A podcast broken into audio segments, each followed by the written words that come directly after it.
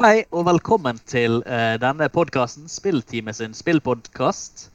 Uh, jeg heter Lasse, og det er jeg som er deres vert i dag. Og med meg har jeg uh, mine kolleger og venner her. Vi kan ta og begynne med Grim. Hallo, Grim. Hallo, Lasse. Og vi har også klart Helene med oss. Hei sann, Helene. Hei, hei. Og som gjest, første gang i dag, kanskje til og med flere ganger seinere, har vi med oss Lene. Hei, Lene. Der har vi deg. Ja, nå har vi jo alle sammen sittet hjemme nå eh, under nedstengingen i ukevis, og eh, noen syns nok kanskje dette er kjipt fordi de vil gjerne ut og gjøre mye ting, men for min egen del, og kanskje deres del, så er jo dette flott, for man får tid til å spille mye greier. Og da er jo så klart spørsmålet hva er det dere spiller nå under? Eh, nedlåsingen? Vi kan ta og begynne med deg, Grim. Er det noen spesielle spill du har brukt noe særlig tid på nå under nedstengningen? Ja, jeg har eh, ironisk nok eh, fått masse tid til å spille Dungeons and Dragons.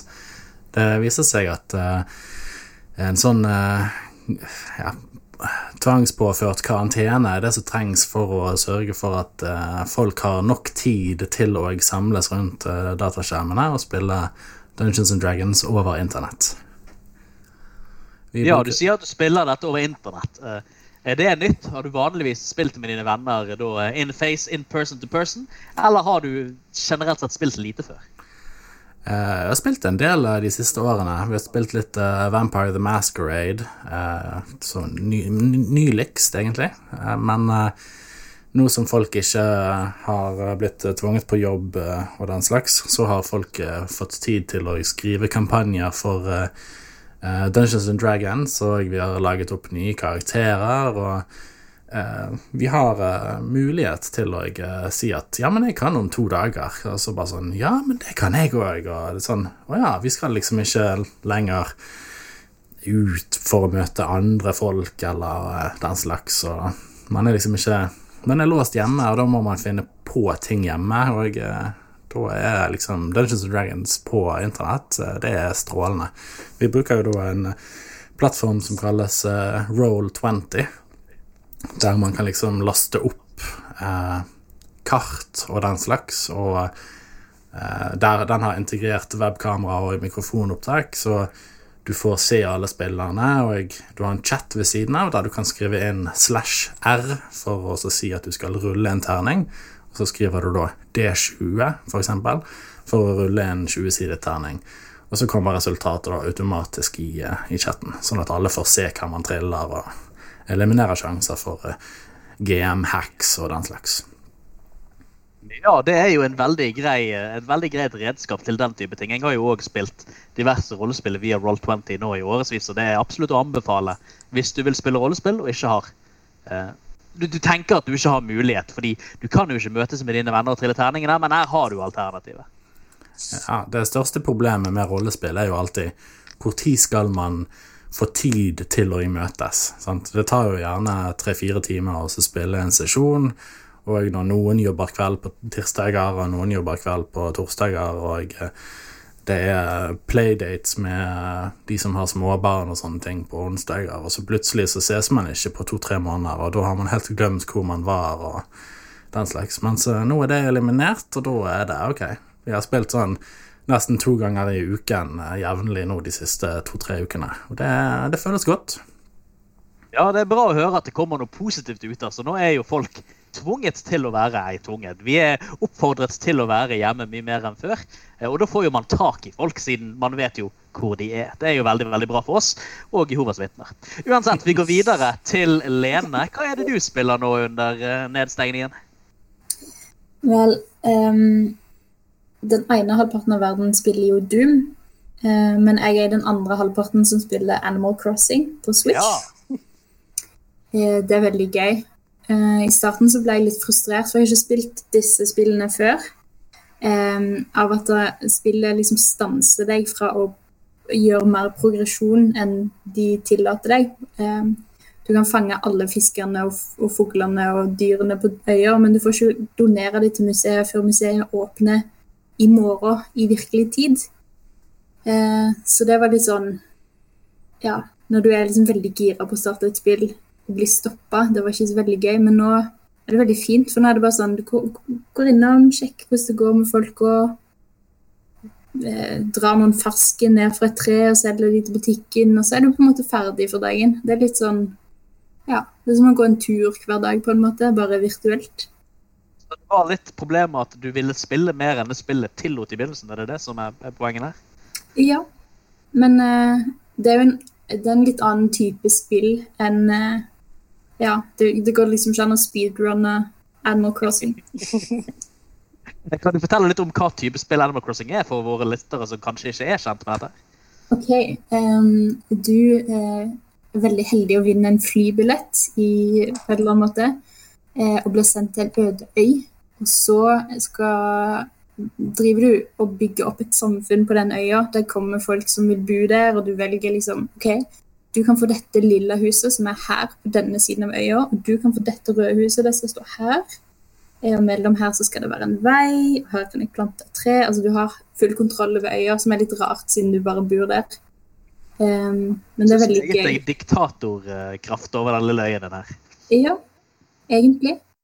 Eh, Så driver du og samler sammen frukt og selger det, eh, frukt og steiner og pinner og sånn ugras, og så selger du det til butikken, og så gir de deg penger for det. Og så kan du kjøpe andre ting i butikken som du kan stappe inn i huset ditt for å pynte huset ditt. På beskrivelsen din så får jeg jo litt assosiasjoner til um, Stardew Valley. Er det noe særlig sammenligning der du føler passer? Ja. Ja. Ja, Da tar vi og går videre til deg, Helene. Hva er det du spiller nå, nå som man har mulighet til å sitte hjemme med bedre samvittighet enn før? Eh, nei, ene spillet som jeg eh, har sittet og spilt, det er det samme som Lene, Animal Crossing New Horizons. Eh, men jeg tenkte at jeg skulle ta for meg et av de andre, som er Final Fantasy 14, A Realm Reborn, Ja. som jeg begynte å spille igjen. Eh, og det er Final Fantasy-serien sitt eh, online-spill. Det er teknisk sett det tredje online-spillet deres. For du har det første, som var 11. Og så kom eh, 14 i 2010, men det var så dårlig tatt imot at eh, de stengte serverne, og så re-releaste de spillet som eh, A Realm Reborn. Som er det som eh, fortsatt eh, eksisterer nå, da. Ja, jeg husker det var mye eh, Jeg vil ikke kalle det kontrovers, men mye skuffede mennesker rundt når 14 originalt hadde kommet ut. Og så ble jo det den forbausende avsløringen der de sa at nei, vi stenger det ned. Vi ser at dette ikke funker, og vi skal lage noe nytt. Og det er jo så klart veldig annerledes fra hvordan spillselskapet ofte er med at de har brukt pengene. Nå vil de ha tilbake med investeringen, og hvis det ikke funker, så funker det ikke. Det er jo veldig veldig fint at de da tok denne muligheten til å faktisk lage et nytt, et forbedret produkt. Føler Ja. du at dette her er, er, noe som kan holde deg lenge, dette spillet? Ja, altså sist, sist jeg var i periode og spilte det, det var i fjor sommer. Um, og det er jo For det, det som er med spillet nå For jeg er jo litt sein med å spille, for spill, denne versjonen av spillet kom ut i 2013. Uh, så vi snakker om syv år uh, med Quest og tre DLC-er og for å si det sånn, det tar eh, lang tid å komme seg igjennom ting, og du må spille deg igjennom eh, main eh, questen, eller scenarioet, for å åpne opp dungeons og andre deler av spillet, da. Og det tar tid. Så det er jo noe å gjøre i veldig lang tid for å kunne få gjøre alt som er potensialet i spillet, da. Ja, eh, Final Fantasy-spill dette her er jo et online-spill i klassisk MMORPG-sjanger. Final Fantasy-spill pleier jo å være veldig veldig fortellingsfokusert, mens MMORPG pleier å være mer altså, om, å, om å gå gjennom dungeons, om å grinde gear, om å grinde levels. Hvordan fungerer denne kombinasjonen med altså, det narrative fokuset typisk i Final Fantasy-spill, og det mer sånn systemtunge fokuset på MMORPG, syns du?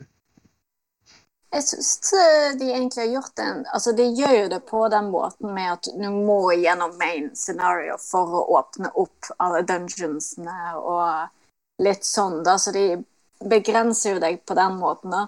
Men samtidig, du kan skippe alle cutscenene hvis du ikke er interessert i den Final Fantasy-historien, da, og bare vil komme deg videre i spillet, så kan du egentlig klare deg å komme igjennom uten å vite en, noe som helst av hva som skjer.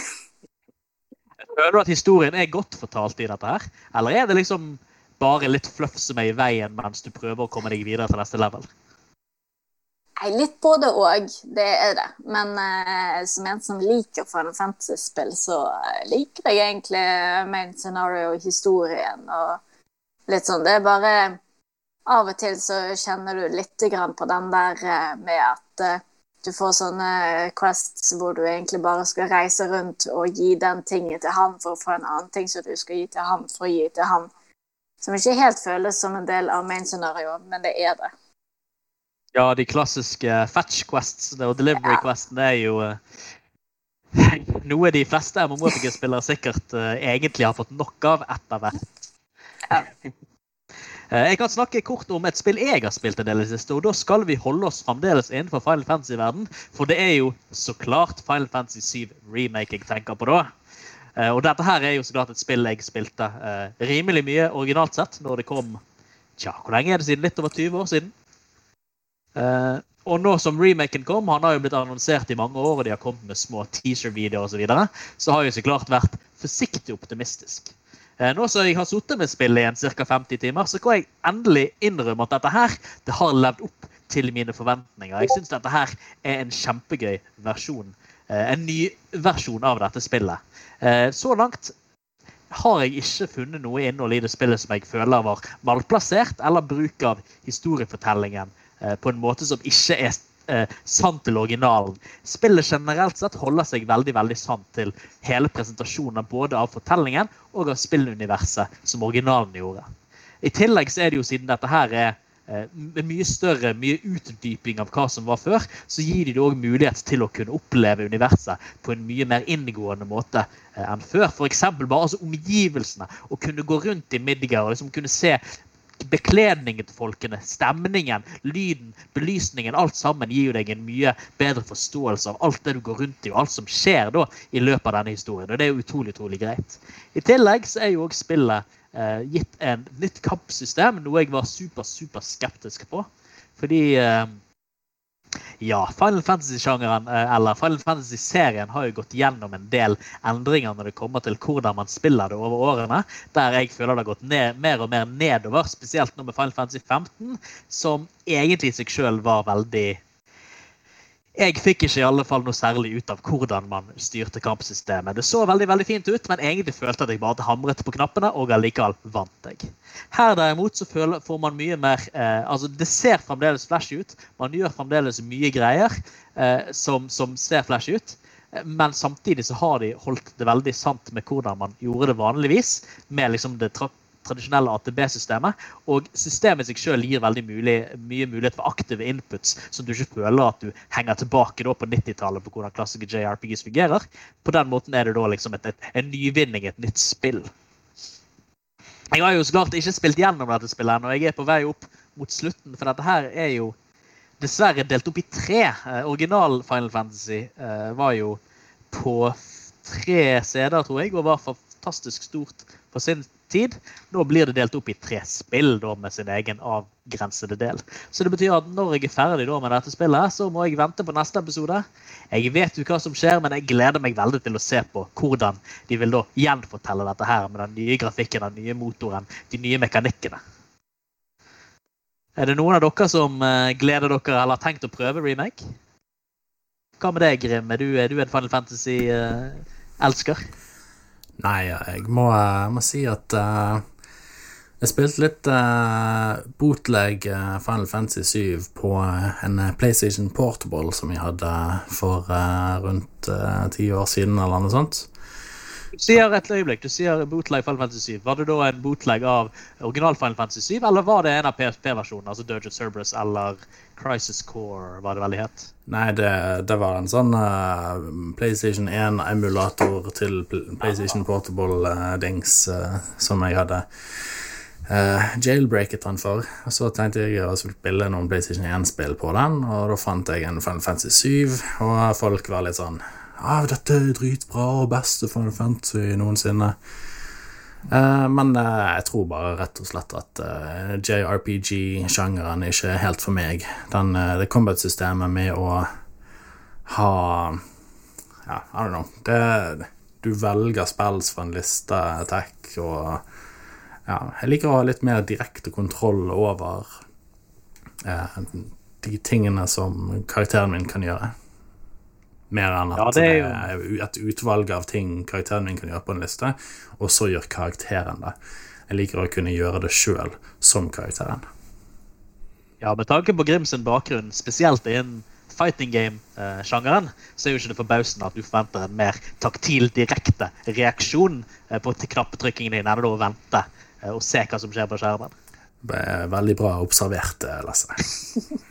Hva med deg, Helene? Du har jo nevnt tidligere at du hadde lyst til å spille dette. Du har heller ikke spilt originalen, så vidt jeg har fått med meg. Har du sittet i gang med remake ennå, eller er du fremdeles helt låst i Animal Crossings verden? Um, jeg har ikke fått, uh, fått tak i spillet eller kjøpt det ennå. Det har jeg ikke. Uh, det er på listen min. Uh, men ja. Jeg holder litt på den ennå. Kanskje når jeg leverer bacheloroppgaven, at da skal jeg unne meg Final Fantasy 7 Remake. For jeg, jeg har vært inne og sett litt på litt grann klipp fra spillet, hvordan det ser ut, og hvordan, litt av hvordan combaten er og sånt, og det ser jeg, jeg, gleder meg til å få endelig prøvd det, da. Det gjør jeg. Og jeg gleder meg til å høre hva reaksjonen du får til det. Fordi de fleste som spiller remake, er jo oss gamle nostalgikere som har spilt originalen og som har en tilknytning til dette. Men det er jo òg en haug med spillere som ikke har spilt det, rart nok. Og det blir jo spennende å se hvordan de syns dette her da er så klart i, sammenligning med, med, sine egne spill eh, som de har spilt på den tiden. Hvordan de fungerer. Om det faktisk er et bra spill, eller om det bare er nostalgien som snakker. Hva med deg, Helene? Er det... Oi, beklager, Helene. Hva sa du der? Nei, jeg bare tenkte, for det er noe jeg syns er veldig, egentlig veldig bra at de har gjort en remake enn alle de andre, sånn som de har gjort med tieren og sånt, og gjort en remastering. Hvor de egentlig bare har oppgradert spillene til HD. Så syns jeg egentlig det er spennende å da se hvordan eh, det blir eh, å se andre som aldri har spilt syveren, eh, som da spiller det, og se om det faktisk er et godt spill i seg sjøl med oppgraderingene. Hva er hjemme hos dere, Lene? Er dere i gang med Final Fantasy 7? Eller er det egentlig ikke på kalenderen i det hele tatt? Jeg tror ikke jeg er på kalenderen eh, hos noen av oss, egentlig. Eh, jeg har liksom ikke kommet inn i den serien, og den virker så stor at jeg vet ikke om jeg har kapasitet til det. Føler det, Sant, det kan absolutt være en investering hvis man først begynner, men eh, så det, det er no, mye, mye å ta på seg. Men hva andre spill har du spilt? Nå som jeg snakker med deg, Lene. Du snakket jo nettopp om Animal Crossing. eh, Og det Mm. er jo et sånt spill som kan ta veldig mye tid etter det jeg forstår. Men har du fått tid til noen andre spill i tillegg? her? Altså, jeg fikk en um, Når jeg da skrudde på min Switch for å spille Animal Crossing, så hadde de salg eh, på nettbutikken um, på Divinity Original sin 2. Å ja, gøy. Eh, det har jeg spilt kjempemye av på PC, eh, så da heiv jeg meg jo på YouTube for å sjekke om, om det går an å spille det på Switch. Sånn blir det bra i det hele tatt. Og det virker ganske greit. Eh, og det som egentlig solgte meg på det, var at det har sånn steam-sinking. Så du kan spille eh, på toget liksom på Switchen, og så eh, når du da skrur på den stasjonære PC-en din hjemme, så har du akkurat den samme save-filen. Det er jo kjempelurt. Ja. Så det spiller jeg nå hver gang jeg blir lei meg for at det er lang tid til Baldur's Gate 3 kom ut. Ja, for Det er jo òg laget av Larian Studios. Det er jo de som har utviklet og, og gitt ut eh, Jeg vet ikke om de har gitt ut, da, men det er i hvert fall de som har laget uh, de Divinity-spillene her. Og jeg ser også fra den, eh, Det er jo kommet ut en sånn gameplay-demo på en time halvannen av uh, Baldur's Gate 3. Og det virker jo som om det spilles veldig mye som man forventer Divinity-spillene vil spille. Til glede for noen, og så klart til irritasjon for andre. Mm. Jeg synes Det morsomste med den gameplay-videoen er de fansa som er sånn redd for at det ikke blir dark nok. Det må være grim, det må være dark. Det må være dark. Dark tone, dark. Det var jo også så klart også total klaging når Diablo 3 var under utvikling. at, det, her er du ute, det grønne marker, det regnbuer. Hva er dette for noe? Vi forventer at sjelen vår skal knuses, og vi skal ha det kjipt når vi spiller. Hva er dette for noe? Og så ble det jo, når vi endelig fikk Diablo 3 ut, så ble jo sjelene våre knust, og vi fikk det kjipt. Men det var jo mest pga. kvaliteten til spillet. Uh, vi tar og hopper forbi uh, akkurat det kapitlet i våre kollektive bevisstheter. Hva med deg, Grim? Har du spilt noe annet du uh, i det siste? Sorry. Er du med oss fremdeles, Grim? Der var Eh, han. ja, vi får bare kutte ut eh, akkurat den. Så venter jeg i tre sekunder. Eh, ja, jeg har spilt uh, et uh, mobilspill her, vel ting, i det siste en god del, som heter uh, Mini Metro. Der du får Du har baner, da. Som er basert på forskjellige storbyer. London, Paris, San Francisco og den slags. Og du skal Det er sånn tilfeldig genererte eh, T-banestopp som popper opp på kartet du er på, og så skal du trekke linjer fra det ene stoppet til det andre stoppet. De forskjellige stoppene har forskjellige symboler, så noen er trekanter, noen er sirkler, noen er firkanter og sånne ting.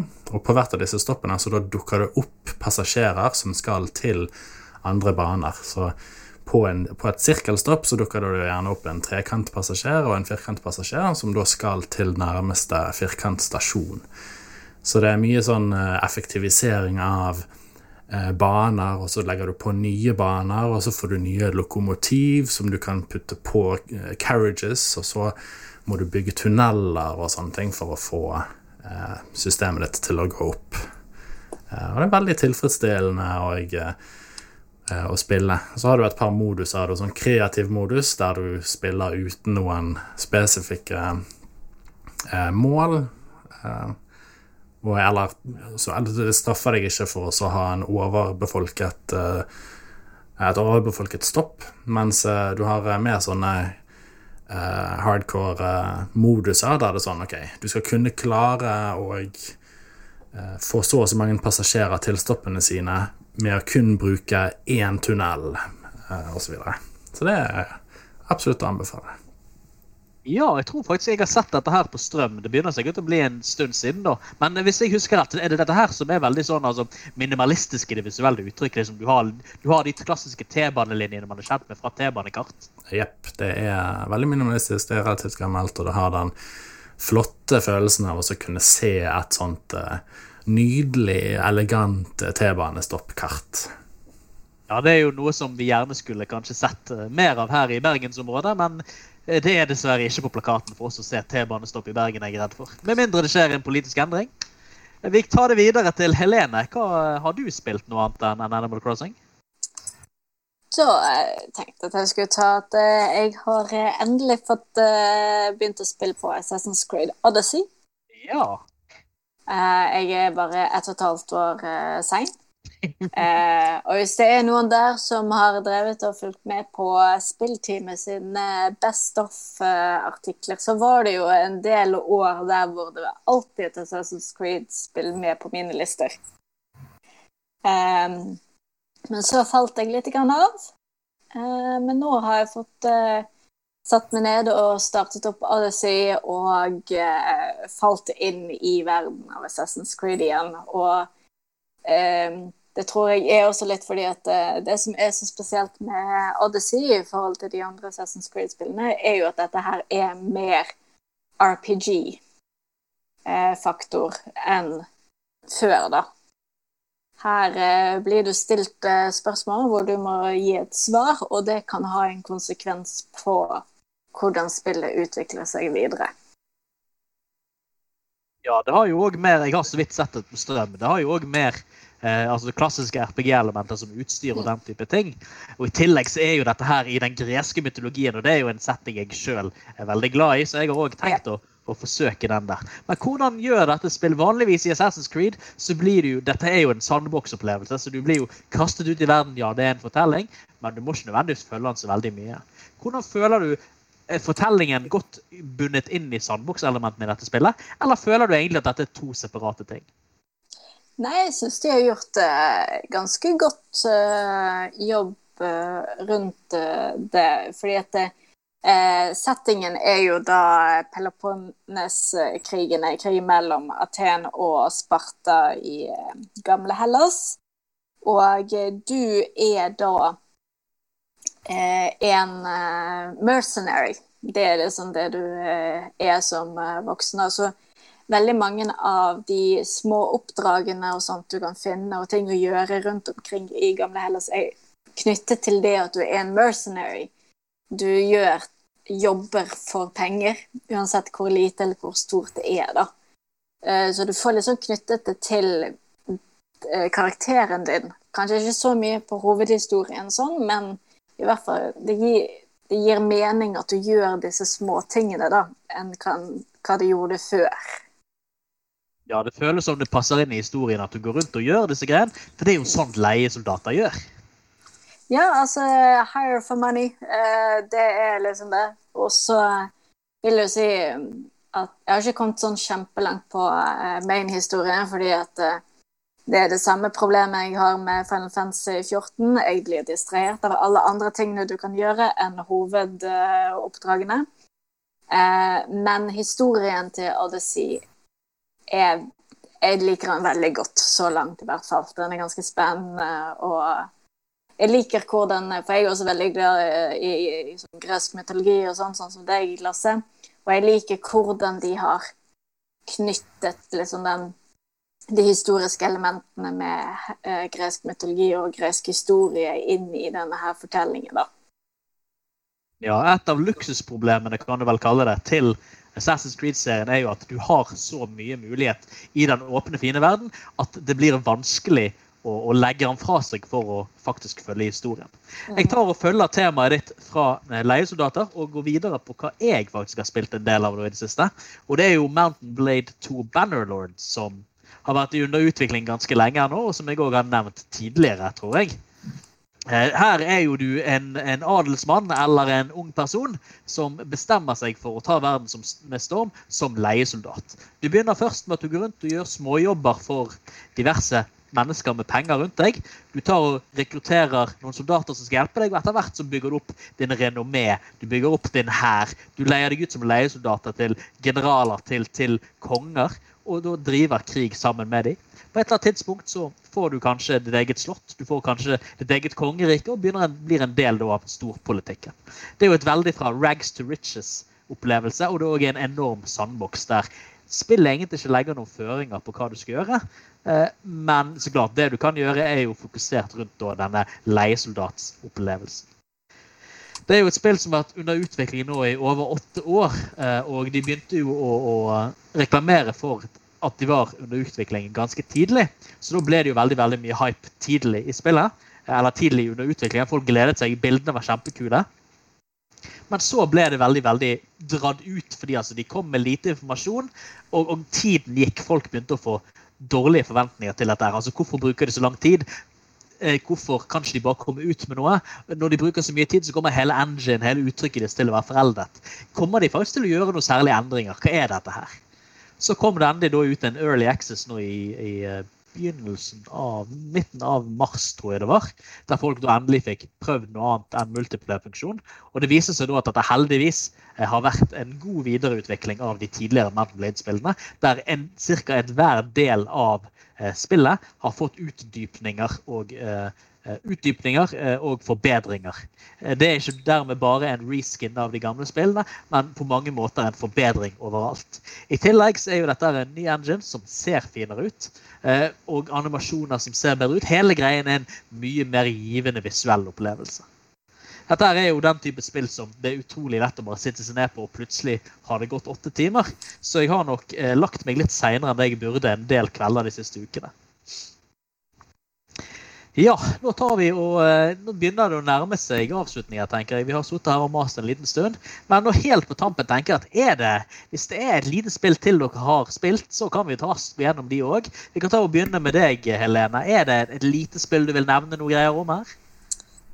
Um, jeg har jo kommet litt inn i Octopath Traveler igjen. Jeg har spilt litt uh, av det. Og det er et Square Enix-spill, men det, veld, det, ser retro ut eh, i HD. Det er veldig, veldig bra. Veldig hvis du har lyst til å bruke mye tid på et spill, så er det spillet for deg. Eh, og selvfølgelig Animal Crossing. Eh, aldri spilt noen av de andre. Dette var mitt første, og det er bare fantastisk. Ja, hva med deg, Lene? En- har du en honorable mention her nå helt på slutten? Um, nå har ikke jeg spilt det på en stund, men uh, hvis jeg skulle hatt et tredje spill uh, Hvis jeg hadde hatt tid til et tredje spill, så hadde jeg sikkert spilt mer Hitman 2. Veldig gøy å finne på kreative måter å myrde folk på. Hitman er jo en veldig veldig gøy spillserie. Jeg husker jeg, jeg husker jeg spilte originalen veldig veldig mye når den kom. Ja, hva med deg, Grim? Er det en, en siste honorable mention du har? Ja, en, eh, en ny dag med, med spill og en, ny dag med fighting games. Så jeg spiller, uh, spiller jo alltid litt eh, Street Fighter 5 jeg for tiden. Um, nyeste versjonen uh, kom jo ut for, for et halvt års tid siden, eller noe sånt, så jeg prøver å lære meg en av de nye kar- karakterene som er, er der. Ja, for min egen del så er det jo det spillet jeg har spilt ganske konstant siste halvåret, Monster Hunter World. De kom jo med utgivelsen Iceborne nå Tja, det begynner å bli noen måneder siden. Jeg har jo spilt meg gjennom egentlig alt innholdet, men heldigvis så slipper de hele tiden nye monstre, nye events, nye sånne smådrypp i ny og ne, som gjør at man går tilbake og tar og jager eh, på noen svære, store monstre med noen venner. Så det er en gøy opplevelse å komme tilbake til. Men da tror jeg at vi egentlig er kommet uh, til veis ende. Så uh, med mindre dere har noe nytt og spennende å si i løpet av de neste fem sekundene En, to, Nei. Da tar vi og takker farvel og eh, hilser alle sammen en god finere eh, En god finere, eller sånn. Her hører vi at det ikke går an å snakke beint lenger. Eh, Det er nok fordi vi er kommet langt forbi kaffetid. Eh, Vi ønsker dere en videre god innetid, og jeg håper dere finner mange gøye andre spill dere får tid til å spille nå. Ha det bra. Ha det bra. Ha det. Ha det.